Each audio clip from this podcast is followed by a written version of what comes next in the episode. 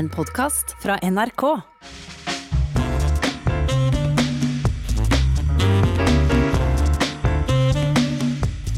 Vi skriver 11. september i dag, en dato som er uløselig knytta til terrorangrepene på tvillingtårna i New York. Et tidsskille, spådde mange, som ville endre vår måte å tenke og agere på. Nå, 19 år seinere, er det tid for å spørre om betydninga vart så stor som vi den gang trodde. Hva for spor etter 11. september-angrepet finner vi i dagens internasjonale bilde? Og velkommen til deg, Hans Olav Lahlum, forfatter og USA-kjenner og mye annet. Og til deg, generalsekretær Ket Hansen Bundt i Atlanterhavskomiteen. Hvordan ble du, Ket Hansen Bundt, klar over dramatikken som skjedde denne dagen? Jeg befant meg på vei hjem fra arbeid. Jeg var rett utenfor eh, det gamle Deichmanske biblioteket sammen med viseadmiral Bjørnar Kipsgaard. Så ringer min mann på min lille Nokia mobiltelefon, som vi hadde jo ikke smarttelefoner, så vi kunne ikke slå opp noe.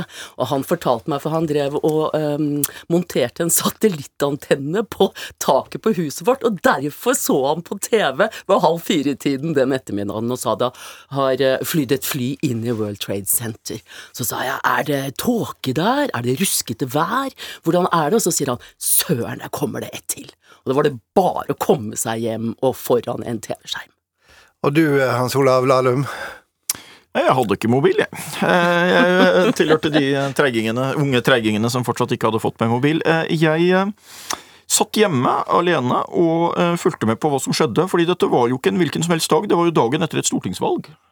Uh, og det gikk jo dermed rett inn i det. Så var liksom uh, all oppmerksomhet var vendt på stortingsvalget og etteranalyser av det, og hva skjer, og, og, og hva slags regjering blir det ut av dette, og ting. Og så plutselig så uh, var det disse bildene fra USA og tvillingtårnene og alt, og så var det plutselig noe helt annet fokus. Så det, man kan bare spekulere på ettertid. Hvis det hadde kommet et døgn før i forhold til Norge, så ville det blitt litt av en historie. Det hadde kommet midt oppi i de siste timene på stortingsvalget. Det var jo til og med et eh, stortingsvalg med et dramatisk resultat fordi at Arbeiderpartiet fikk det dårligste resultat siden 1924.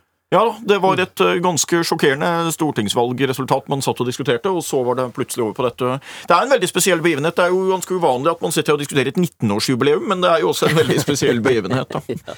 Det er det. Første reaksjonen, hva, hva, hva tenkte du på? Nei, man tenkte jo altså terrorisme Dette var jo første gang amerikanerne ble rammet på egen jord siden eh, britene bombet Washington i 1812. Og det ble jo en sånn stor eh, drama ut av det, fordi vi satt og så på mennesker som hoppet ut av disse husene. Og det var jo ikke bare i New York. Eh, man rammet jo Pentagon, altså det amerikanske forsvarsdepartementet, og det flyet som falt ned i Pennsylvania, som vel var på vei mot Det hvite hus, hvor eh, passasjerene klarte å overmanne eh, terroristene. Og så ble det jo en veldig fokus på det muslimske verden. Øynene rettet seg mot Midtøsten og Afghanistan. Og så ble det dimensjonerende både for USA, norsk forsvar, Nato i 15 år fremover.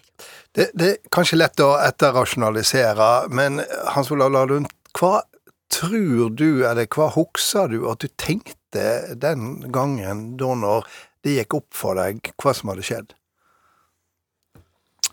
Jeg tror ikke jeg skal prøve å gjengi hva jeg eh, tenkte. Jeg var jo allerede på det tidspunkt mer enn gjennomsnittlig opptatt av USA, selv om jeg ikke hadde begynt å skrive bøker om det, så det var jo veldig fort at oppmerksomheten trakk det dit. Og man tenkte jo litt at det var et stort skifte. da Man hadde opplevd eh, noen år Vel ti år tidligere så var det jo et stort skifte med slutten på den kalde krigen, Berlinmurens mm. fall og alt dette her, og man tenkte jo igjen at nå er det noe som skjer, og noe som endrer seg. Jeg vil nok si i et historisk perspektiv så tror jeg nok at Pearl Harbor-angrepet tror jeg nok jeg vil nevne i forbindelse med det. Altså Før Pearl Harbor-angrepet i desember 41 så var det jo mange i USA som sa at vi har fri sikkerhet, fordi vi kan ikke bli angrepet over havene, og ingen på det, vårt eget kontinent er sterk nok til å angripe oss. Også den illusjonen om en fri sikkerhet sånn sett i møte med ny militærteknologi døde jo med Pearl Harbor, men det rammet jo ikke så å si hjertet av USA på ikke den måten som dette her gjorde. Det er en annen situasjon, men jeg tror likevel at det er det man mm. i et historisk perspektiv kanskje må trekke inn sånn her sjokk Vi kan bli angrepet. Og så, og så var det jo stor spenning da til hvordan eh, president eh, George W. Bush mm. ville håndtere situasjonen. Det kommer jo også da eh, noen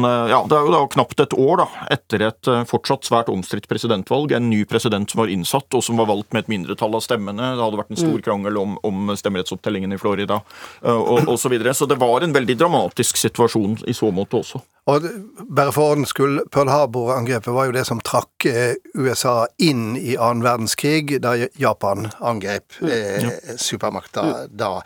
Altså, nå 19 år seinere, går det an til å beskrive det viktigste som 11. september har ført til? Hvordan det har endra samfunnet vårt? Vi kan jo si på det eh, lille plan eh, så må vi alle ta av oss eh, belter og sko og alt når vi skal ut og fly. Det er jo en konsekvens, den økte fokus på sikkerhet, frykten for flykapringer og terror. På det store plan så ble jo dette som jeg nevnte dimensjonerende for krigsmakten USA. Allerede 7. oktober så angriper man Taliban-regimet i Afghanistan, og vi er jo fortsatt i Afghanistan. Eh, eh Nato eh, aktiverte artikkel 5 for første gang, altså den kollektive musketereden. Vi står opp for hverandre for å hjelpe hjelpe USA. Det er første og siste gang man har aktivert den artikkel. Og vi endte jo alle opp i Afghanistan innenfor rammene av ISAF og Nato-operasjonen der. Ehm, I Europa eh, så eh, ble jo Vi var borte lenge. Eh, Russland tok seg til rette. Vi kom egentlig ikke, vendte ikke tilbake med styrker og opptatthet av kollektiv forsvar og sikkerhet eh, for oss selv før Russland annekterte Krim i 2014. Så det hadde store konsekvenser også for Midtøsten, som jo ble et kaos. Ja, det hadde store konsekvenser, men den gangen så eh, ble det jo snakka om et paradigmeskifte, altså hva vel oversettes med tidsskille. Hvis en ser det i dag, nå snart 20 år seinere, er det en treffende beskrivelse, Hans Olav Lahlum? Det er treffende i den forstand at for den sittende ganske nye presidenten i USA, Bush og Bush-administrasjonen, så kom det jo helt til å prege egentlig helt fram til finanskrisen i de siste månedene. Så var det jo egentlig dette som det i veldig stor grad kontroversen for og mot Bush handlet om. Og det ble jo et uh, stort skifte der med Det var jo mange ved valget i 2000 som hadde trodd at hvis man valgte Bush, så stemte man liksom for den kandidaten som ikke ville kjøre en hva du kan kalle aktivistisk linje ut i verdenssamfunnet. Det var mange som sa at, vi, eh, at det, det han, var liksom et gikk, han gikk jo til valg på det. Ja, ja ikke sant. Og, og, og Gård var den som ble oppfattet som den eh, mer intervensjonistiske Nettopp. kandidaten der. Men så eh, påtok jo Bush seg en helt ny rolle, og så kom denne Eh, religiøse motsetningen også fram, ikke sant? hvor Bush inntok en nesten litt sånn korsfareraktig rolle mm. da, i kampen mot islamsk terrorisme. Så kan du jo spore tiårene tilbake, eh, du kan jo spore noen tiår tilbake, type slutten fra 70-tallet, revolusjonen i Iran, Khomeini osv., når det egentlig er denne mm. militante islamismen, og dette kommer opp som et nytt fiendebilde. Men under den kalde krigen så var det jo underordnet betydning, så var det en nytt, ny situasjon etter den kalde krigen, hvor USA sto igjen som supermakt egentlig uten en fiende. Den fienden fikk man mm. med militant islam, og det kom til å prege ganske sterkt sterkt videre. Droneangrepene har jeg lyst til å nevne, for det er jo et konkret skille som fortsatt er med oss. Mm. Droneangrepene starta riktignok i relativt liten skala under Bush de neste årene. Og så går det jo videre opptrapping under Obama, og videre opptrapping ja. under Trump. Vi skal eh, snakke mer om, om dette og, og, andre måter 11.9 har endra USA og, og verden. Men først etter at vi har hørt eh, Johnny Cash sin versjon av låta som eh, med jevne mellomrom blir kalla USAs andre nasjonalsang, 'This Land Is Your Land'.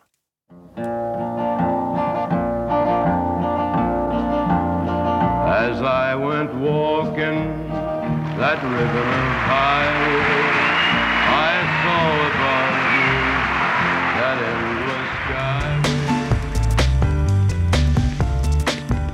Ja, her i Studio 62 sitter fremdeles Ket Hansen Bundt og Hans Olav Lahlum, og med utgangspunkt i datoen i dag, 11.9, så har vi snakka om eh, tvillingtårnangrepet og hvordan det har prega tida etterpå. Og hvis vi går til USA, Hans Olav Lahlum, hva vil du si at denne hendinga har gjort med, med sjølforståinga til et USA som ikke har vært vant til å bli angrepet på egen jord? Nei, som sagt et sjokk. Litt på linje med Pearl Harbor kan vi bli angrepet, og ikke bare på Hawaii, men inne på fastlandet og så å si hjertet av USA. Klart det var et sjokk. Og det måtte jo føre til eh, en stor hva skal man si, omprøving eller gjennomtenkning av sikkerhetspolitikken. Så kom det jo et veldig omstridt svar I første omgang så sluttet man rekkene bak det, men det ble jo stadig mer omstridt med særlig Irak og, og, og militæraksjonen der. Og eh, man så, fikk jo da etter hvert en situasjon hvor dette også bidro til den interne polariseringa i USA. Og så er det både i USA og internasjonalt så er det jo et stort det vi kaller kontrafaktisk spørsmål i historiefaget. da. Hvordan ville det blitt annerledes hvis ikke? ikke sant? For det er veldig mange ting som ikke var noen tilsiktet følge av dette men som kunne blitt helt annerledes videre. F.eks. den arabiske våren. da, ikke sant? Mm. Som, eh, hvordan ville den historien blitt videre? Hva ville skjedd i Syria? Det, det, er sånne spørsmål vi aldri vil få svar på, men hvor det, dette jo var en del av bakteppet mm. og historien rundt det. IS, ikke sant? Men hvis vi skal gå til den, eh, de spørsmålene vi kanskje kan få svar på ja. eh, Ket Hansen Bundt, altså verden sto jo samla i en voldsom solidaritet eh, etter, eh, etter 11. september. Og det var jo nesten et blomst blomsterhav utenfor den eh, amerikanske ambassaden i Oslo. og Det har vel knapt skjedd tidligere. Men hvordan greide USA å ta vare på den eh, solidariteten og den støtten som de fikk? Nei, selv Russland sluttet jo opp. Altså Den første angrepet på Afghanistan, så var det jo en bred koalisjon som gikk langt utenfor Nato-samarbeidet. Men så tok det bare to år fordi Bush-regjeringen bestemte seg for uh, denne regimeendringsstrategien, og man var helt besatt av å angripe Irak. Da uh, vendte Frankrike og Tyskland seg mot amerikanerne i FNs sikkerhetsråd. De ville ikke være med på dette eventyret, og det brøt opp på en måte den solidariteten som man hadde hatt med amerikanerne.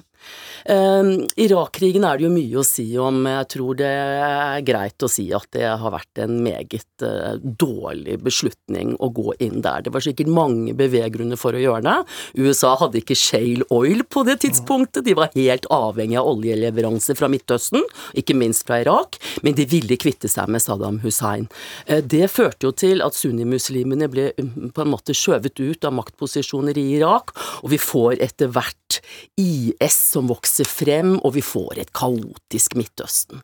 Men er ikke det et eh, paradoks, Hans Olav Lahlum, at eh, nettopp en, et amerikansk angrep og nettopp ønsket om regimeendring i Irak, det, det førte, til kollapsen av Irak som stat, det førte til framvekst av helt nye og sterke terrorgrupper? Jo, jeg fikk et klassisk eksempel på at man kan få helt utilsiktede effekter mm. som også kan virke mot de målene man har. og ja, Det er en lang historie om den. For meg så står det jo igjen som det på et sett og vis store paradokset at du hadde jo den situasjonen Eh, ti år før ikke sant, skulle man gå mot Bagdad etter Kuwait-krigen og fjerne Saddam Husseins regime. Og Da mm. var det jo daværende president, altså Bush senior, som liksom satte foten ned og sa at vi går ikke dit, vi blir sittende fast i hengemyra hvis vi går inn der. Det er ikke bra for oss og ikke bra for de.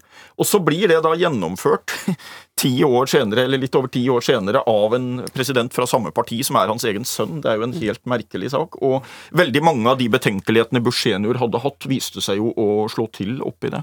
Men så, øh, hvis vi skal løfte blikket litt videre, så tenker jeg vel at på en måte, altså fram til finanskrisen i 2008-2009 så tenker jeg at, at, alt kjentes på en måte preget av dette. Så kommer finanskrisen, ny type utfordring med det, som på en måte ble Obamas hovedutfordring. Det er mye å si om utenrikspolitikken under Obama også, men det var jo mye økonomi det handlet om under han.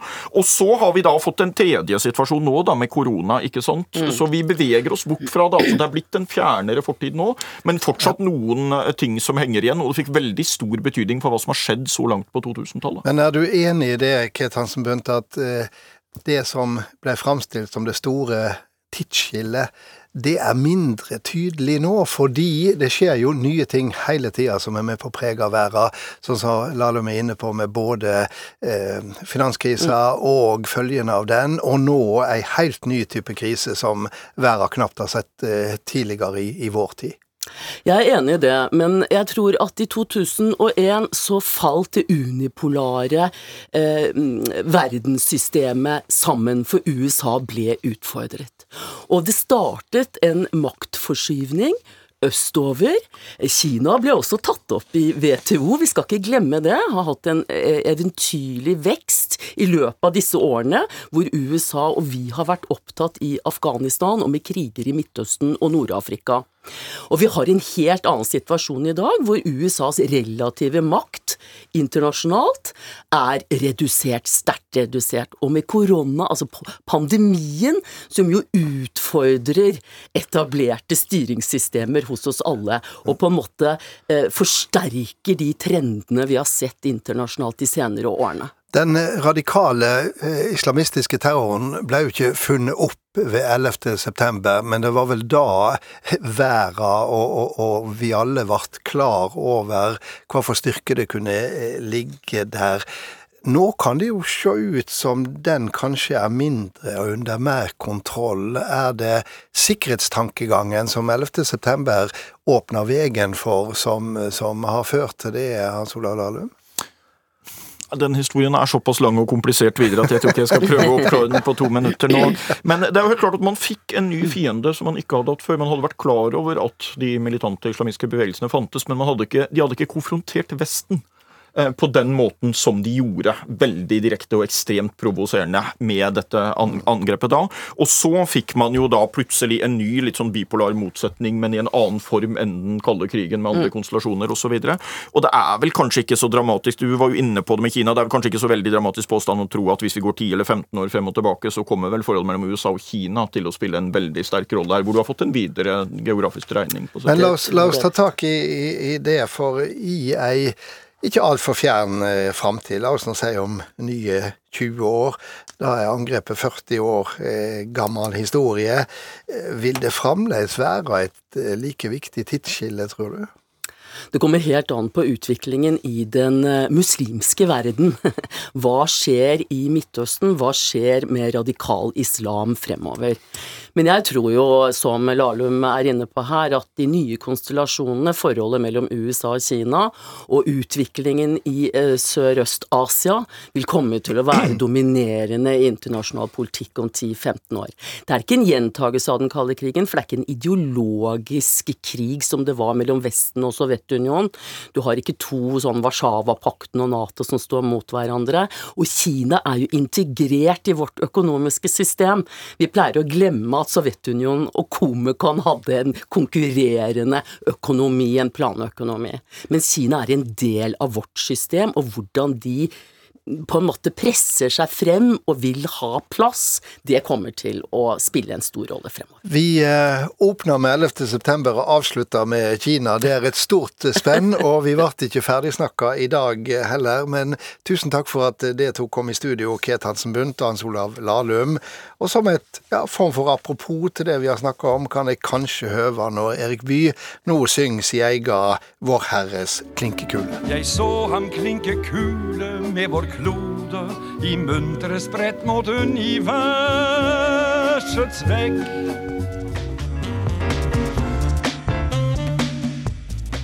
Og så runder jeg av med min faste kommentar. Her er denne vekas Stang inn, stang ut. I morgen er det et halvt år siden Norge ble stengt ned. De mest inngripende tiltak i vår tid var et eh, faktum. En pandemi truga, og med god grunn frykta vi det verste. Så langt har Norge kommet bedre fra dette enn mange andre land. Det kan virke som om stoppstrategien var rett. Framtida veit vi likevel lite om. Det vi kan vite noe om, er hva vi så langt kan lære av det vi har gjennomlevd og fremdeles lever med. For vi har lært at vi lever i et samfunn der vi har stor tillit til våre styresmakter når ei slik krise råker. En av grunnene til dette er nok at vi har styresmakter som har vært åpne om sine tvil, som ikke bare har fortalt oss om alt de visste, men som også har snakka om alt det usikre. Vi fikk råd fra helsestyresmaktene det ikke var sett to streker under, som helseminister Bent Høie formulerer det i et NRK-intervju. For når helseministeren nå oppsummerer situasjonen slik den så ut i mars, ja, så er han opptatt av det usikre men også av at så harde tiltak må ha legitimitet hos folk flest. Det må ikke være slik at de kraftigste tiltakene blir brukt opp for tidlig, at det kommer en motreaksjon eh, på at de ikke er nødsynte eller ikke oppleves slik. For det er dette vi nå ser i en rekke land. Det undergrev kampen mot et virus som langt fra er slått ned. Derfor stiller det store krav til styresmaktenes måte å formidle sine påbud og råd, sin usikkerhet og sin tvil på. Åpenhet er her et avgjørende stikkord. Det samme er viljen og evna til å se situasjonen slik den oppleves for folk flest. Bare da er det mulig å få til det samspillet som er så naudsynt for å holde situasjonen under kontroll for det er fremdeles det helt sentrale. God helg.